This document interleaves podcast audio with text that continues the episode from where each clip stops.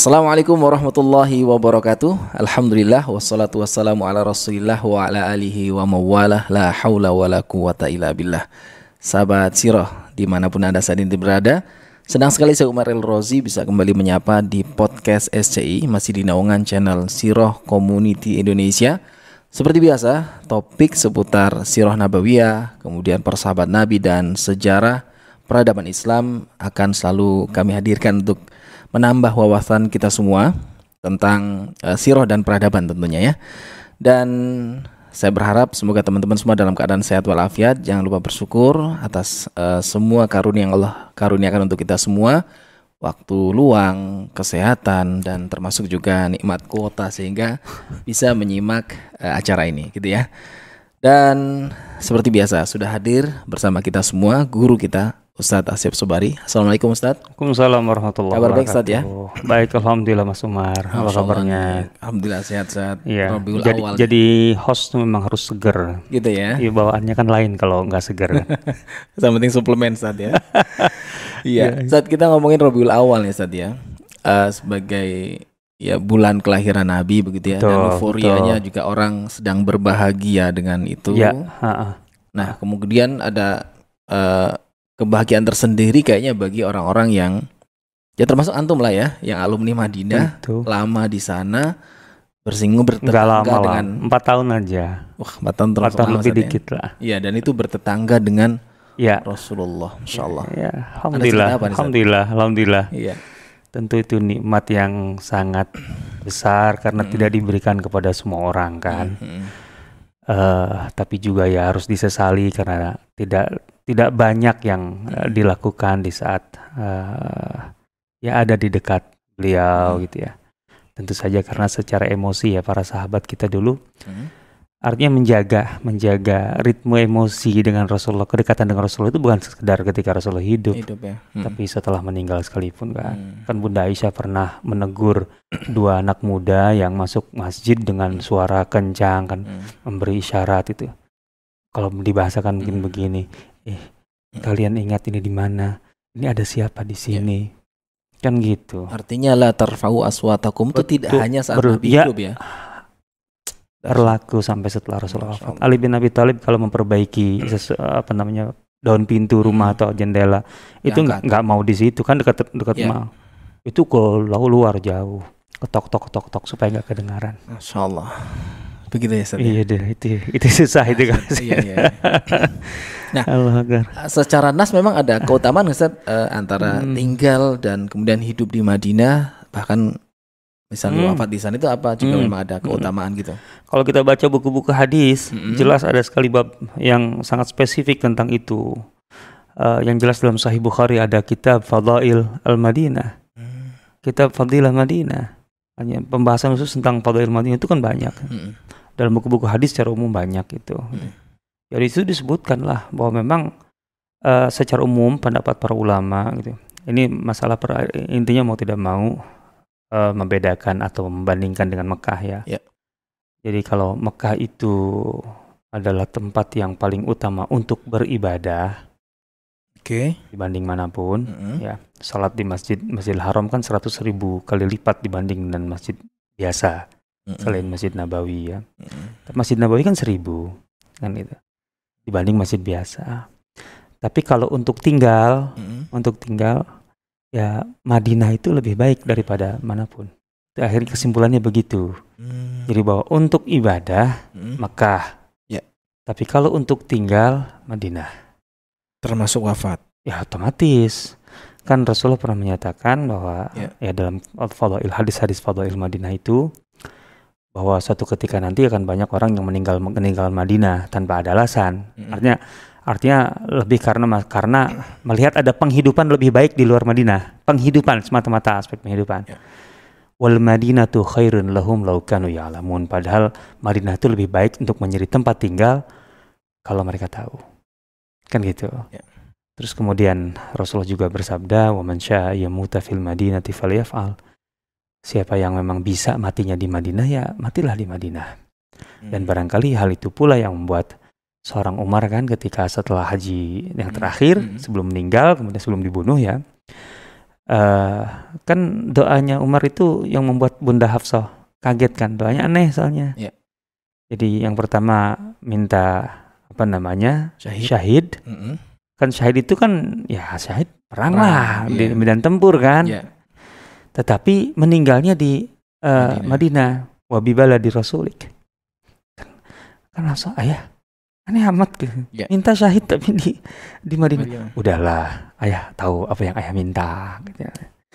Karena intinya matinya kan mati yang terbaik syahid lah katakan gitu. Mm. Tapi kan tempat meninggal terbaik. Ya kan Umar memang dari awal jelas ada semacam keinginan betul untuk memang Mm. secara fisik betul-betul nempel dengan Rasul tidak mau dipisahkan. Makanya kan ketika meninggal, eh, ketika eh, ditusuk itu kan Umar tiga hari masih bertahan kan, fisiknya kuat. Hmm.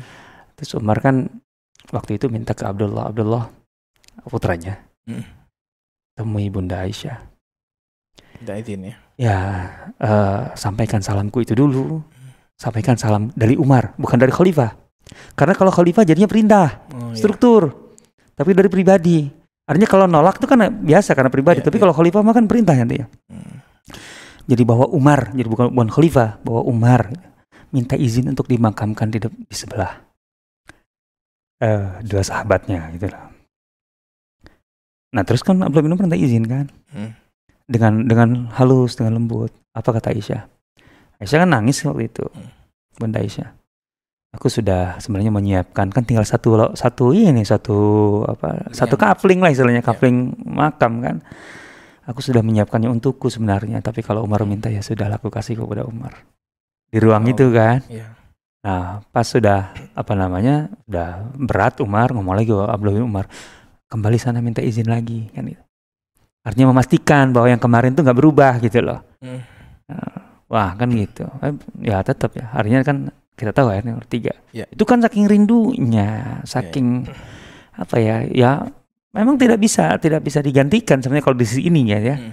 Eh, em, meninggal di apalagi bagi Umar ya pengen Ya. tidak pernah lepas dari dua sahabatnya. Artinya Umar dan Abu Bakar radhiyallahu anhuma ini menjadi orang yang berbahagia sekaligus beruntung ya karena benar-benar bertangga Iya. hidup dan wafatnya. Iya. Tapi masalahnya sahabat yang lain gimana saat kalau saya Hmm. ya baca tipis-tipis lah. itu kan yang meninggal di Madinah justru Eh.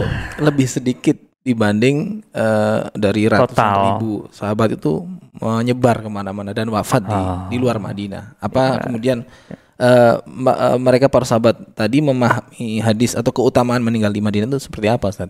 Oh, iya betul itu ada fakta. Baiklah alhamdulillah wassalatu wassalamu ala Rasulillah wa ala alihi washabbihi wa ala Eh, jumlah sahabat itu kan kalau kita hitung eh, dari peristiwa Haji Wada itu Mhm. di kisaran kan 120 sampai 140 ribu Ya. total sahabat seluruhnya. Tapi tentu saja itu kan tidak semuanya tinggal di Madinah, Ya. tinggalnya di seluruh pelosok Jazirah Arab kan. Hmm. Hmm. Ya yang tinggal di Madinah juga ya taruhlah di kalau di kisaran 10.000 ribu itu di akhir Rasulullah ya, artinya kan bertambah terus tuh Mhm. ya yang tinggal di Madinah. Itu saya rasa bisa bisa ya sampai bahkan lebih gitu ya. Sampai bahkan lebih. Nah, Itu Hmm. itu data ya kita baru tahu. Ya. Sementara yang dimakamkan di Baki Berapa kan jumlahnya cuma eh, ribuan, artinya tidak mencapai 10.000 ribu. Artinya sahabat loh ya, artinya bukan sahabat dan tabiin, wah sahabat tabiin banyak. Hmm. Ada menyebut angka 10.000 ribu, tapi kan itu bukan sekali sahabat, sahabat dan tabiin. Kalau sahabatnya nggak nyampe sebenarnya, nggak nyampe, nggak nyampe di kisaran ya paling kisaran eh, ya 45 ribu atau 6 ribu barangkali segitulah eh, sekitar eh, angkanya. Artinya ada ribuan sahabat Mhm. yang memang dia penduduk Madinah atau tinggal di Madinah, baik muhajirin, eh, apalagi ansar ya, Mhm. yang kemudian meninggalnya tidak di Madinah. Iya. Gitu lah. Bahkan ansar aja banyak yang tidak meninggal di Madinah. Penduduk Madinah asli ansar. Iya. Gitu lah. Itu tidak meninggal di Madinah. Abu Ayub gitu ya. Abu Ayyub ada di Istanbul sekarang. Gitu lah. Ya yang di Syam itu kan ratusan. Di Mesir aja ada sebutkan di Mesir aja ada tujuh ratusan. Tapi walau alam itu angka saya masih perlu debatable lah gitu ya. Ya. Tapi uh, banyak yang tidak di ya Muad bin Jabal uh, kita sudah bahas kan Muad. Oh iya. Anaknya kan di Syam kan semuanya kan. Hmm, terus kemudian Khalid bin Walid juga kan di Syam. Uh, terus banyak banyak banyak banyak. Bahkan dalam ini sebenarnya ada yang ada yang ingin saya sampaikan di awal nih, ada yang menarik soalnya gitu. Apa tuh Ustaz? Uh, ini kisah tentang tentang bukan kisah sih artinya data atau fakta tentang anak-anaknya Abbas bin Abdul Muthalib. Hmm? Abbas paman Nabi SAW yeah. kan kan meninggalnya kan di Madinah. Hmm? Ayahnya si si uh, si ayah ini ini kan hubungannya dengan anak-anaknya. Tapi anak-anaknya ada tujuh anak-anak Abbas itu meninggalnya berpencar. Termasuk Abdullah itu. Oh iya. Gak di Madinah, San. Wah, di Taif. Di Taif, iya. di Taif. Nah, jadi ini termasuk yang unik. Makanya saya ketika baca, baca buku uh, Syekh uh, Muhammad uh, Abdul Hayy Al-Katani, hmm. uh, Nizamul Hukum Al-Islamiyah atau Taratib Al-Idariyah, jilid 2. Itu beliau mengangkatkan mengangkat judul ini. Jadi tujuh bersaudara hmm yang kuburannya berpencar di seluruh pelosok dunia, artinya dunia Islam maksudnya. Hmm. itu narik tuh judul itu. Dan itu para sahabat semua karena kan anak-anak Abbas. Anak-anak Abbas. Ada, ada juga masih fam ya family Nabi ya, keluarga. Oh, iya dong, iya. keluarga iya. Nabi sallallahu alaihi wasallam semuanya. Hmm. Gitu. Abdullah bin Abbas yeah. di Taif. Oke. Okay. Taif.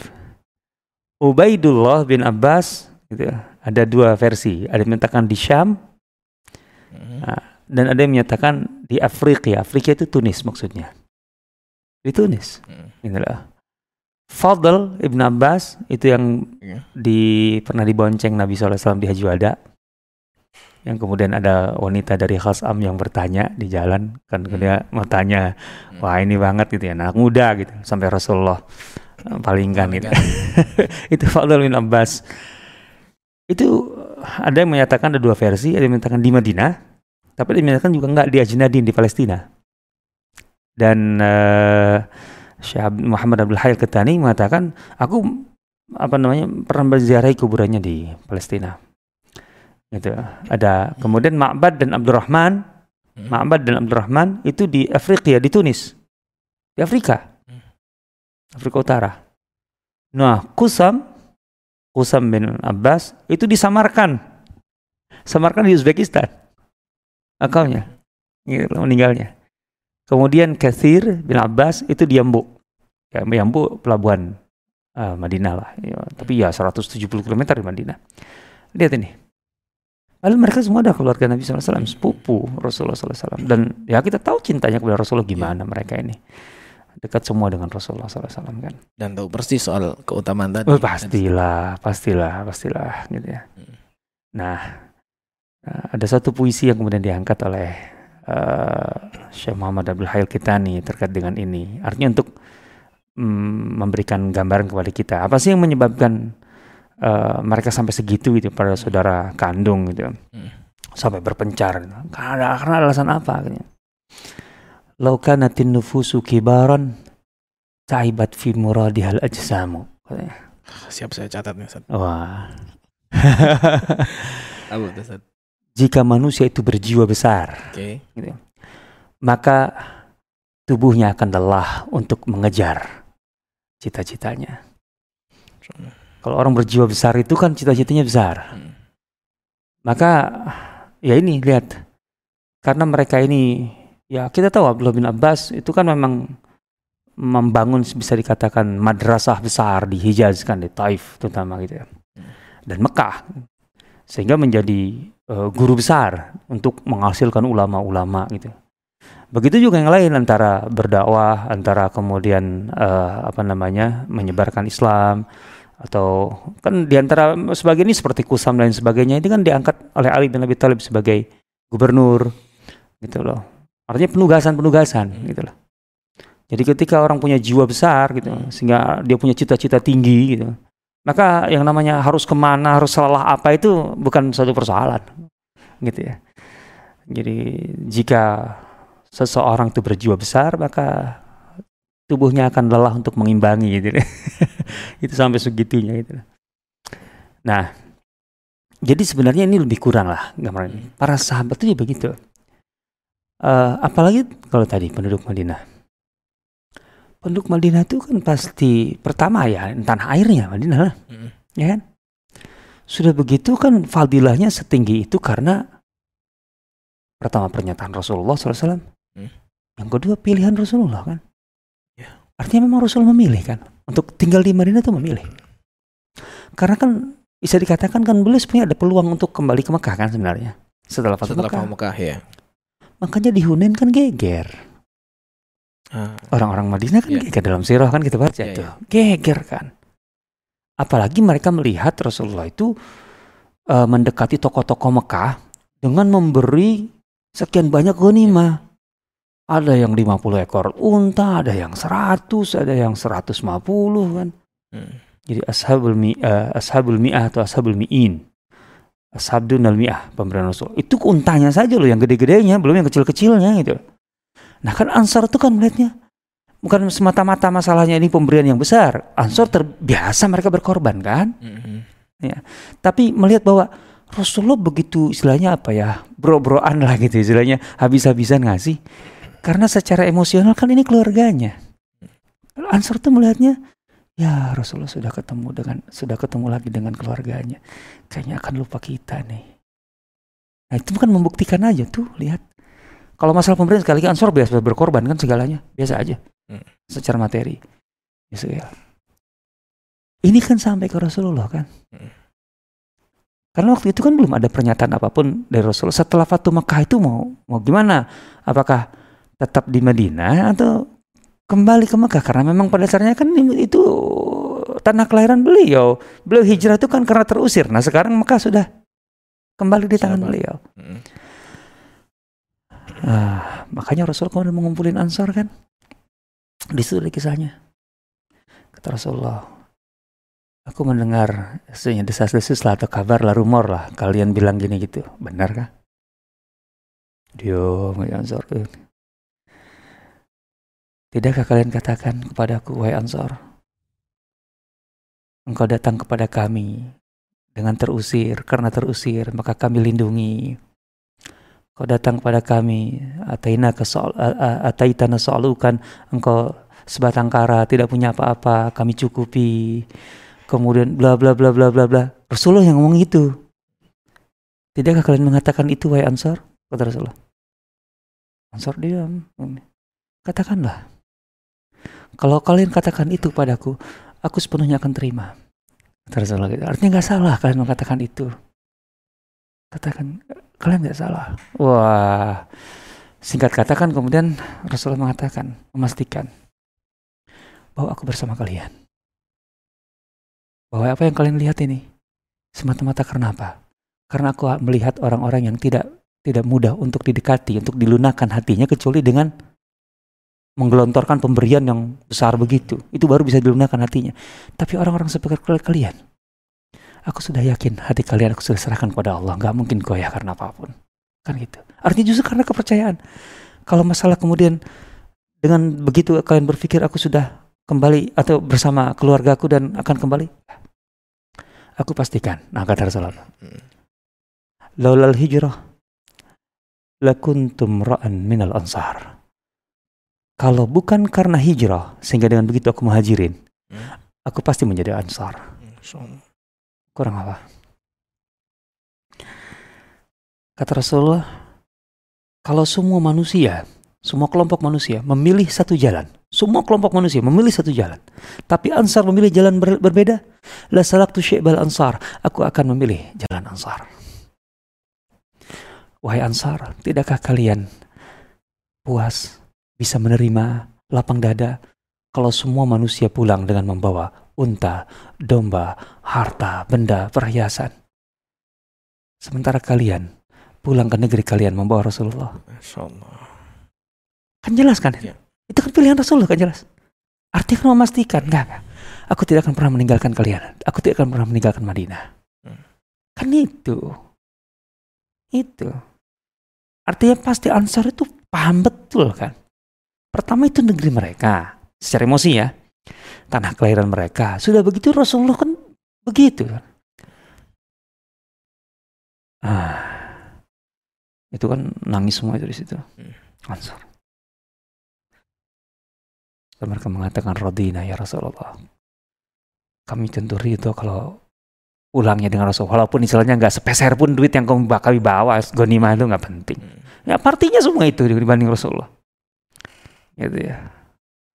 Radina bika qasman wa halda gitu ya. Aku atau kami lebih atau lebih puas, lebih rela ketika bagian kami adalah engkau membawamu pulang kan gitu. Dengan segala uh, cara pemberianmu gitu. Maka Rasul kemudian Allah merahmil ansar. Ya Allah, limpahkanlah rahmatmu, kasih sayangmu kepada ansar. Dan kepada anak-anak ansar. Dan kepada cucu-cucu ansar. Dalam satu riwayat. Tiga generasi didoakan Rasulullah SAW. Kurang apa? Dan kemudian Rasulullah meninggal di situ. Dan muhajirin kan juga begitu kan kemudian. Artinya muhajirin kan kaum muhajirin yang dari Mekah. Hmm. Kalau ke Mekah itu kan hanya untuk ibadah, untuk eh, paling silaturahim keluarga Mekah. Tapi mereka tidak mau lama-lama. Kembali ke Madinah. Kalaupun sakit, agak-agak sakit, itu cepat-cepat pulang supaya tidak meninggalnya di Mekah, tapi di Madinah. Para sahabat. Hmm. Gitu memang. Coba kita baca. Itu yang muhajirin. Ya.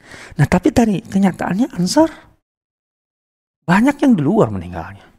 Di luar Madinah. Bukan mereka tidak rindu. Bukanlah. Kalau kita bicara cinta dan rindu ya, kan intinya ingin selalu dekat. Hmm. Ya tentu saja, baik ketika masih hidup ataupun setelah meninggal. kan. Ya kan biasalah kan suami istri kan ingin nikahnya apa ini nikahnya, ingin dikuburkannya berdampingan kan biasa itu kan. Ya. Ya. Orang yang merantau sekalipun kan kalau meninggal pesannya apa? Kuburkan di kampung. kan padahal kan kalau sudah meninggal nggak Iya. tahu juga mau di mana pun. Allahu Akbar. Eh, ini Madinah loh. Ini Madinah. Tapi eh, mereka jauh. gitu. Abu Ayyub tadi. Abu Ayyub itu unik. Abu Ayyub itu kan ketika meninggal usianya sudah sangat tua karena itu di tahun 50 kalau tidak salah 52 52 Hijriah. Ya memang di masa Muawiyah Hmm. 52 atau 54 lah antar itu antar itu. Itu usianya udah tua. Kan sampai sampai orang-orang kan waktu Abu Ayyub itu ikut dalam pasukan Hmm. pemimpinnya Yazid kan bin Muawiyah. Itu kan memang ekspedisi Yazid itu. Itu kan orang-orang engkau udah tua. Gitu loh. Hmm. engkau udah tua? Artinya udah sudah dimaafkan lah artinya dimaklumi lah artinya Masa dalam ikut. iya. Bahwa udah tua kan kewajiban jihad pun sudah sudah gitu kan itu kan bukan fardu ain kan fardu kifayah jihadnya. Hmm. karena kan kaum muslimin dalam ini kan ekspedisi. Nggak pasti fardu ain kan fardu kifayah kan. Sudah bukan fardu kifayah dia itu udah tua. Ada ada alasan Ada yang cukup ya? kuat untuk uzur. Ya. ada alasan. Tapi kan menolak. Enggak enggak, enggak. aku ikut. Aku ikut Infiru hifafallah gitu. Nah, kata Abu Ayyub, bagaimana kalian merjemah, me- me- mengartikan infiru khifafan wa thiqalan? Terjunlah ke medan perang dalam keadaan ringan ataupun keadaan berat. Artinya kan setelah tua kan berat. Enggak. Aku ingin. Artinya bahwa ini adalah Al-Quran, bahwa ini adalah eh, legasinya Rasulullah SAW gitu. Intinya kan masalahnya adalah bagaimana Islam menyebar ke pelosok dunia kan itu intinya kan. Itu yang menjadi pemberat titik pemberat mereka sehingga kemudian mereka menekan rasa rindu itu kepada Rasulullah SAW. Apalagi Abu Ayyub kita tahu Hmm. ikatan emosionalnya kayak apa. Rumahnya jadi awal singgah saat ya. Berapa lama? Tahunan. Tujuh bulan. Oh, itu Itu riwayatnya nih. bayam ya. Jelas. Iya. Padahal kan Rasul kalau mau langsung bikin rumah kan cepat orang kan itu kan diawali dari pembangunan Masjid Nabawi. Rasulullah kemudian eh, selama pembangunan Masjid Nabawi itu kan otomatis gitu ya, beliau tidak berpikir untuk bikin rumah dulu kan rumah Allah dulu yang dibikin gitu loh. Makanya Rasul kan bertanya, rumah siapa yang paling dekat dari sini? Rumahku ya Rasulullah, Abu Ayyub kan. kan awalnya karena untuk apa namanya uh, ya ya ini cara cara Abu Ayyub untuk menghormati Rasulullah SAW itu Rasulullah di kan dua rumahnya tingkat hmm. Rasul di bawah Abu Ayyub di atas ya kan kan kalau di bawah itu kan otomatis kalau ada tamu lebih mudah Rasul bergerak keluar juga lebih mudah nggak canggung kan gitu tapi ketika sudah di atas, lu di bawah kita ada Rasulullah. Gak lah, kita ke bawah kita. Oh, istri itu Rasulullah yang di atas. Nah, kan mau Masjid Nabawi sebentar. Sebentar aja. Hmm. Karena kan memang nggak macam-macam Masjid Nabawi itu kan. Yang penting areanya memang uh, eksklusif gitu kan. Ada pembatasnya, ada dindingnya tembok ya. Yang tidak itu yang tidak full kecuali bagian depan bagian depan full kan ada penutupnya tapi kan ada blongnya kan ada bolongnya itu cepat tapi Rasulullah nggak langsung bikin rumah tujuh bulan riwayat yang eh, ini tujuh tujuh bulan Rasulullah artinya gini itu tanah kelahirannya negeri-negerinya bahkan rumahnya adalah tempat yang paling dekat dengan Masjid Nabawi yeah.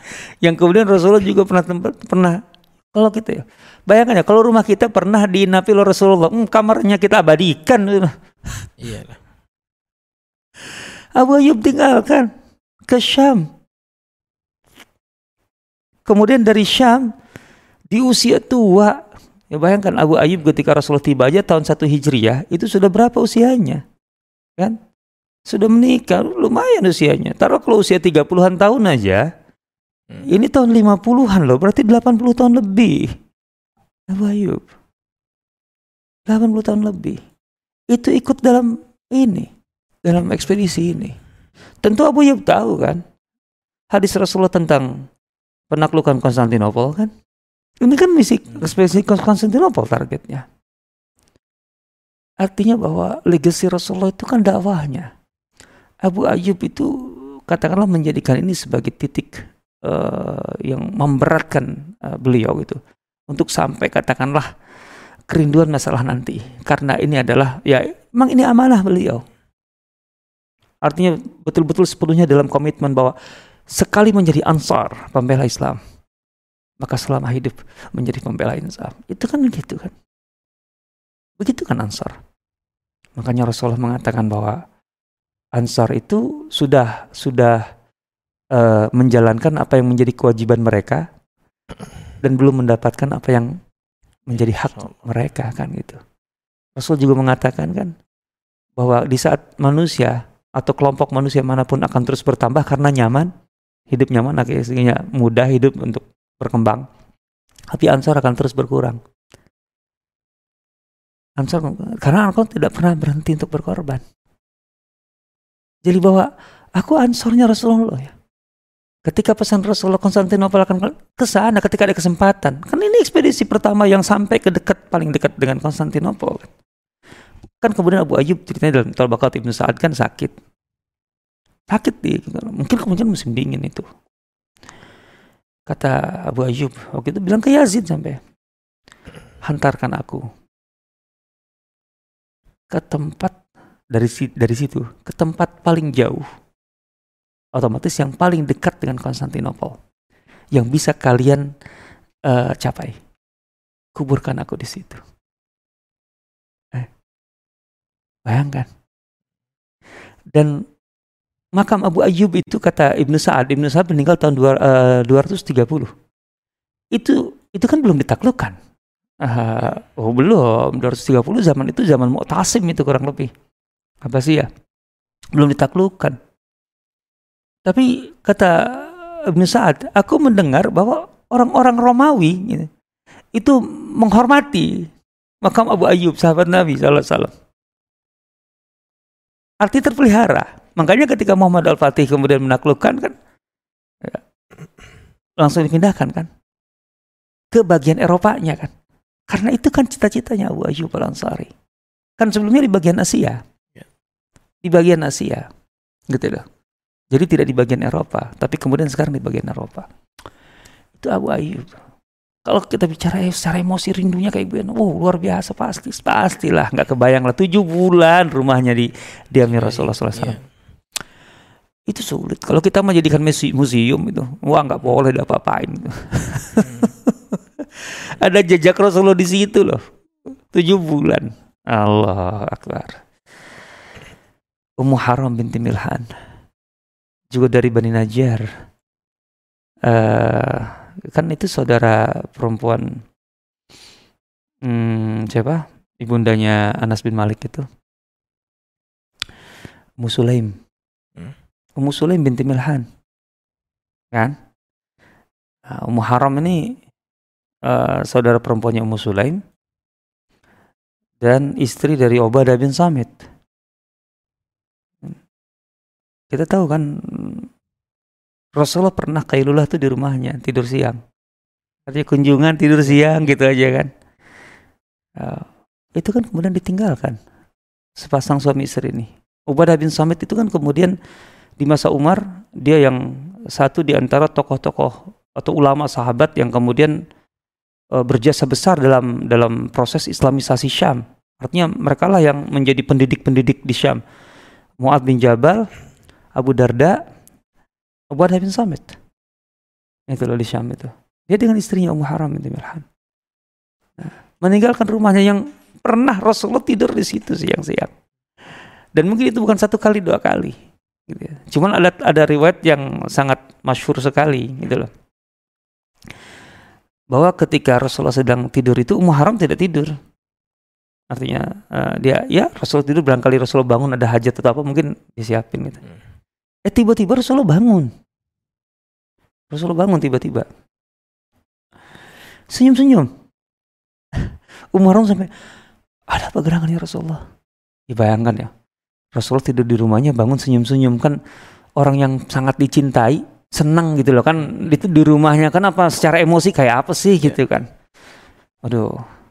Ya. Rasulullah aku bermimpi.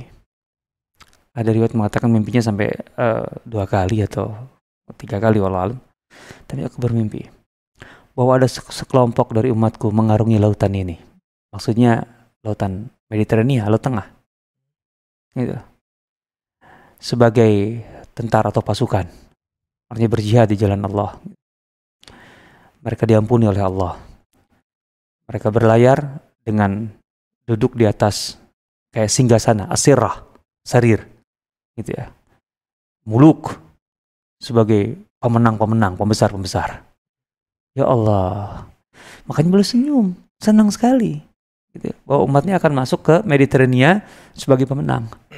Gitu loh dan diampuni oleh Allah. Apa Ummu Haram? Ya Rasulullah, sekalian dong kalau bahasa kita ya. Hmm.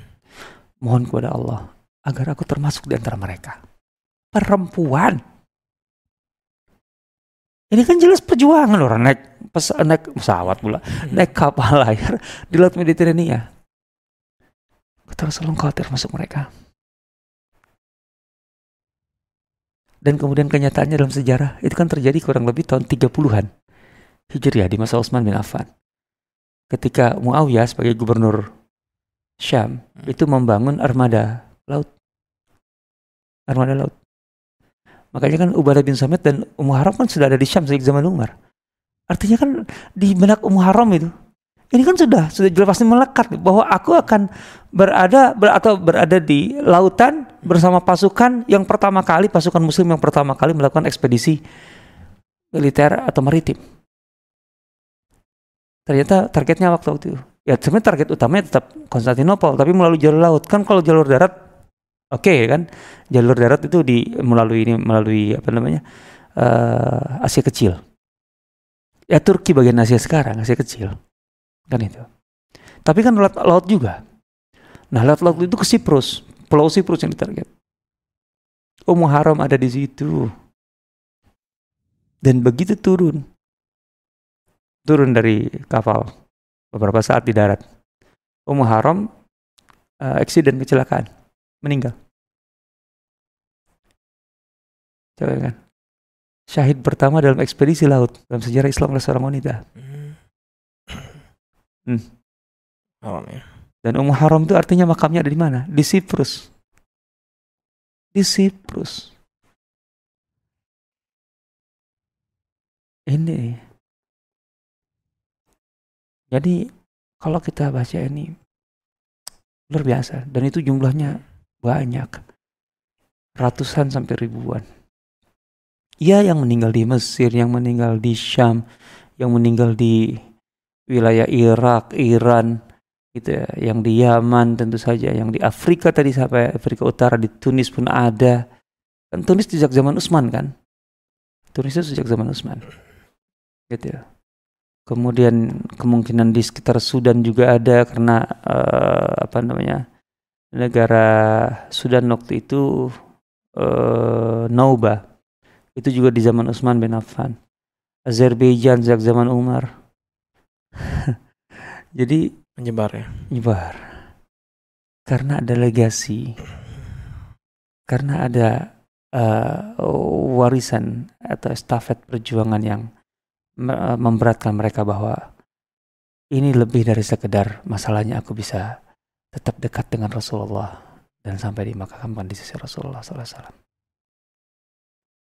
Barangkali itu Mas Umar. Masya Allah. Larut nih Ustaz ya. Terus lagi larut nih. Uh. Jadi jadi uh, ingat puisinya Al-Qatani tadi ya. Hmm. Misinya karena jiwa besar itu sehingga betul makanya itu efeknya uh. Itu intinya lokanatin nufusu kibaran hmm. ta'ibat fi muradihal ajsamu kalau orang itu berjiwa besar maka tubuhnya akan lelah untuk mengimbanginya untuk mengikuti cita-citanya, Cita obsesinya, kan gitu. Insya Allah. Jadi besarnya jiwa itu mengalahkan egonya atau soal Betul. hatinya saat ya. Betul.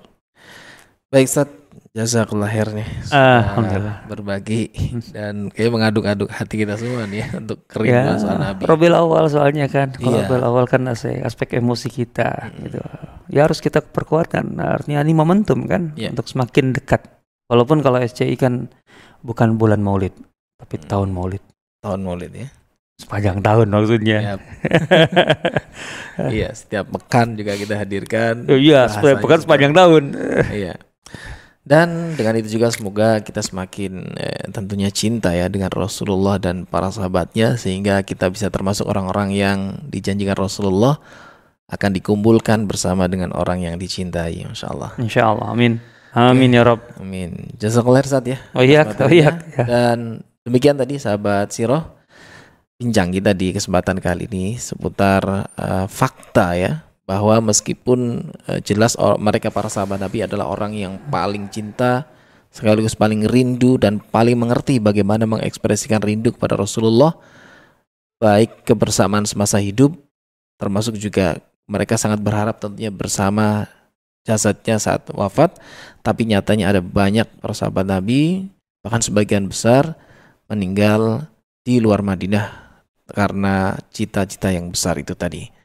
Semoga kita bisa mengambil pelajaran dan akhirnya saya Umar Al-Razi undur diri. Subhanakallahumma bihamdika asyhadu an la ilaha illa anta astaghfiruka wa atubu ilaik. Assalamualaikum warahmatullahi wabarakatuh. Waalaikumsalam warahmatullahi wabarakatuh.